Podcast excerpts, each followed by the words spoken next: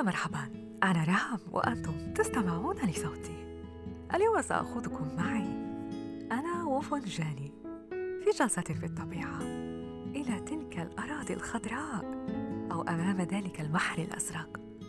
كم جميل هو أن نرى هذه الأماكن الخيالية وإن كانت في الصور. ومن المؤسف ألا نراها في الواقع.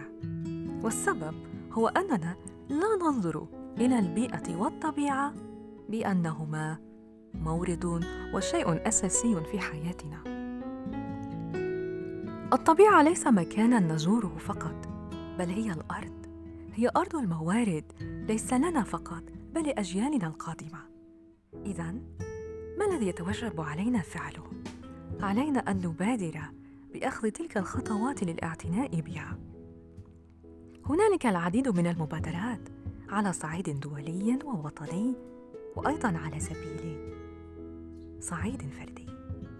إذا كنت أنت في المنزل بإمكانك المبادرة بفرز النفايات قبل أن تتخلص منها.